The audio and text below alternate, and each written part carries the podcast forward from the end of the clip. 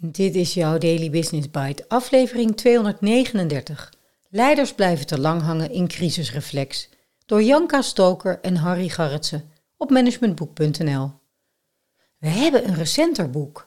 Dat gaf Janka me nog mee toen ik vroeg of ik een aflevering kon maken over hun boek Goede Leiders Zweven niet. Aflevering 229. En bij deze dus een aflevering over een volgende boek. Goede Leiders in onzekere tijden. Let's start. Je luistert naar Daily Business Bites met Marja Den Braber, waarin ze voor jou de beste artikelen over persoonlijke ontwikkeling en ondernemen selecteert en voorleest. Elke dag in minder dan 10 minuten. Het zijn onzekere tijden en dat stelt hoge eisen aan leiders.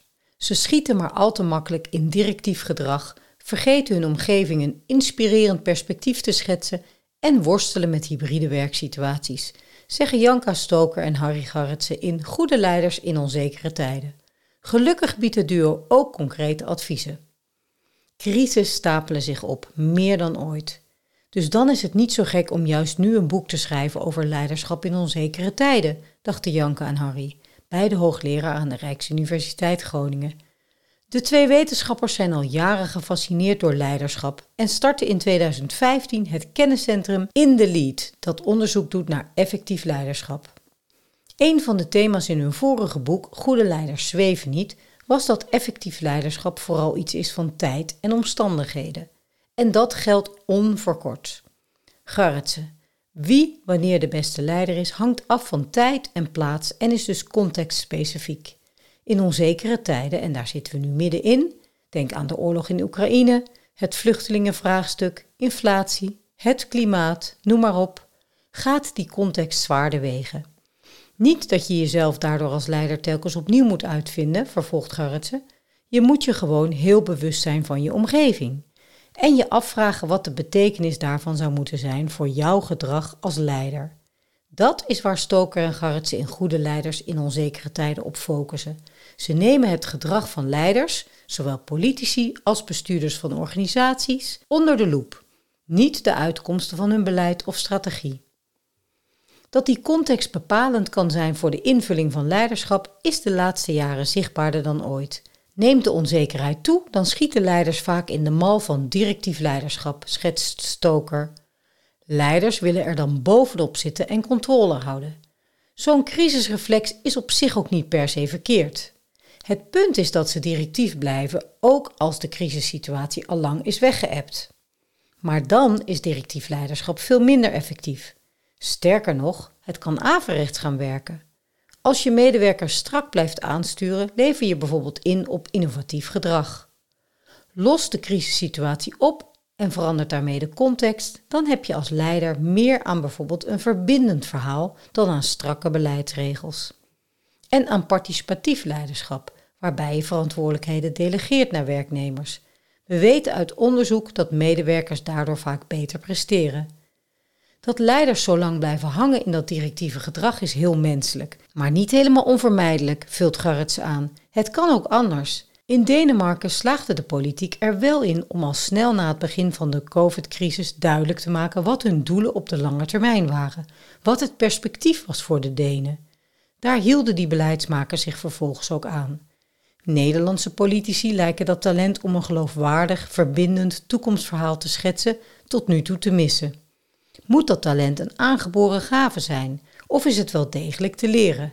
Stoker antwoordt stellig op deze nature-nurture vraag. Je kunt dat als leider wel degelijk leren, tuurlijk. Maar het is en-en. Een bepaalde leiderschapsstijl past bij de ene leider nou eenmaal van nature beter dan bij de ander. Een van de fundamenten onder goede leiders in onzekere tijden is een grootschalig recent onderzoek waarbij Stoker en Garrets de liefst 27.000 managers onderzochten in 48 landen. Centraal in het onderzoek stond het effect van de coronacrisis op leiders en hun gedrag. Na het verplichte thuiswerken aan het begin van de coronacrisis zijn veel bedrijven, naar schatting 70% daarna overgestapt naar een hybride model, waarbij werknemers deels thuis, deels op kantoor werken. De voordelen van thuiswerken zijn evident. Minder reistijd, lagere kosten omdat er minder kantoorruimte hoeft te worden gehuurd En medewerkers geven zelf aan dat ze er productiever van worden. Tot 5% schat de Amerikaanse economen. Maar voor leiders is zo'n hybride model niet altijd even makkelijk. Zeker niet gezien de huidige krapte in de arbeidsmarkt, waardoor medewerkers sterker staan. In zo'n hybride werksituatie moet je als leider meer online communiceren, wat de creativiteit in organisaties kan schaden. Je hebt letterlijk minder zicht op je teamleden en daarmee minder controle. En je moet oppassen dat je niet inboet aan creativiteit. Een brainstormsessie gaat online niet goed werken. Je moet als leider dus goed coördineren op welke momenten je in zo'n hybride model de medewerkers wel samen op kantoor wilt hebben, zegt Garretsen. Hij verwijst naar onderzoek van Stanford-hoogleraar Nick Bloom, die stelt dat het wenselijk is dat leiders toch echt zelf bepalen wanneer medewerkers thuiswerken. Je moet de individuele flexibiliteit van medewerkers dus wel enigszins aan banden leggen, anders wordt het chaos. Stoker wijst nog op een ander aspect voor leiders bij het hybride werken. Ze moeten ervoor oppassen dat de leuke opdrachten niet te vaak naar de medewerkers gaan die veel op kantoor zijn en daardoor vaker communiceren met het management. Tegelijk moet je de thuiswerkers niet gaan controleren op hun productiviteit, wat nu wel gebeurt in sommige organisaties. Bijvoorbeeld door te meten hoe lang ze online zijn of wanneer ze voor het laatst hun toetsenbord hebben aangeraakt. Zo'n prikklok 2.0 zorgt alleen maar voor irritatie en achterdocht onder medewerkers, stelt ze. Stoker en Garretsen schrijven over goede leiders, maar wat verstaan ze daar eigenlijk onder? Dat is niet zo ingewikkeld. Het gaat erom dat je in onzekere tijden als leider aan jouw volgers kunt uitleggen waar we naartoe gaan. Hoe je als organisatie van A naar B komt. Dan heb je het dus niet over de komende kwartaalwinst, maar over het lange termijn perspectief, waarmee je mensen houvast kunt en moet bieden. Gebrek aan perspectief, aan visie, het doet direct denken aan de kritiek die Mark Rutte de laatste jaren steeds vaker kreeg. Schets nou eens een perspectief waar het met Nederland naartoe moet gaan. Kom met een visie. Landbouwminister Henk Staghouwer struikelde zelfs over zijn onmacht om een helder perspectief te schetsen voor de landbouw, waardoor hij moest aftreden. Goed leiderschap wordt dus vaak gedwarsboomd door de druk van de korte termijn. Dat geldt voor zowel politici als voor veel organisaties. De grote nadruk op de korte termijn resultaten bepaalt de invulling van beleid en leiderschap. We moeten wel, denken politici, anders worden we niet herkozen bij de eerstvolgende verkiezingen. We moeten wel, klagen veel bestuurders van beursgenoteerde bedrijven. Anders gaan onze aandeelhouders muiten.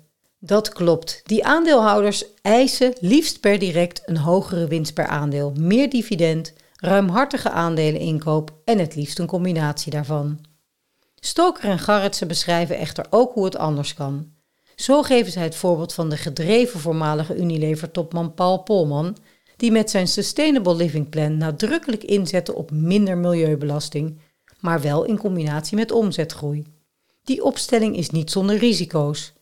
Zo introduceerde Emmanuel Faber, de CEO van Danone, een vergelijkbare doelstelling: winst voor het klimaat. De aandeelhouders van Danone prefereerden echter de snelle winst boven de lange termijn en zorgden voor het vertrek van Faber. Stoker en Garretsen benadrukken dat ze met dit boek geen kant-en-klare oplossingen voor goed leiderschap in onzekere tijden willen bieden, alsof je een wasmiddel verkoopt. Ze eindigen hun boek wel met een aantal inspirerende tips en adviezen voor leiders en hun volgers, zoals deze. Wees als leider bescheiden. Word een betere leider door leiderschap serieus te nemen en jezelf wat minder. Stoker. We zien nog geregeld leiders die zichzelf als het middelpunt zien, die denken dat alles om hen draait. Maar onze overtuiging is dat het niet gaat om jou als leider, maar om jouw leiderschap, de kunst om mensen in de juiste beweging te krijgen. Andere tips zijn dat je in onzekere tijden als leider niet te lang in een crisisreflex moet blijven hangen, dat je een eigen verhaal ontwikkelt en dat je zorgt voor verbinding door te benadrukken dat het je om de groep te doen is, niet om jezelf. Ook belangrijk, organiseer tegenmacht. Want iedere leider is feilbaar en is lang niet altijd goed in zelfreflectie. Dus je moet leiders goed in de gaten houden en tegenspreken waar nodig. Tegenmacht moet je daarom stevig verankeren binnen een organisatie. Denk aan de rol van de commissarissen, de OR en andere gremia. Daarnaast moet een leider zijn eigen feedback organiseren, zegt Stoker. Dat moet je echt doen, want daar word je beter van als leider. En zorg voor een cultuur waarin medewerkers ook echt hun mond open durven te doen, zonder bang te hoeven zijn voor hun positie of promotie. Daily Business Bites met Marja Den Braber. Je luisterde naar Leiders blijven te lang hangen in een crisisreflex door Janka Stoker en Harry Garretsen.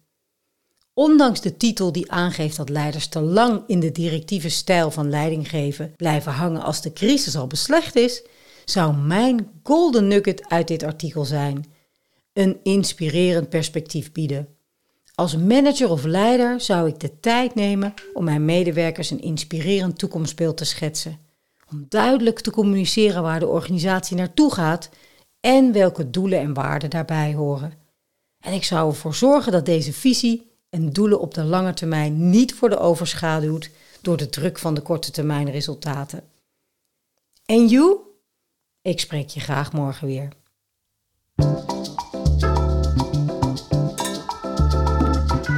Dit was Daily Business Bites. Wil je vaker voorgelezen worden? Abonneer je dan op de podcast in je favoriete podcast-app. Meer weten? Klik op de links in de show notes.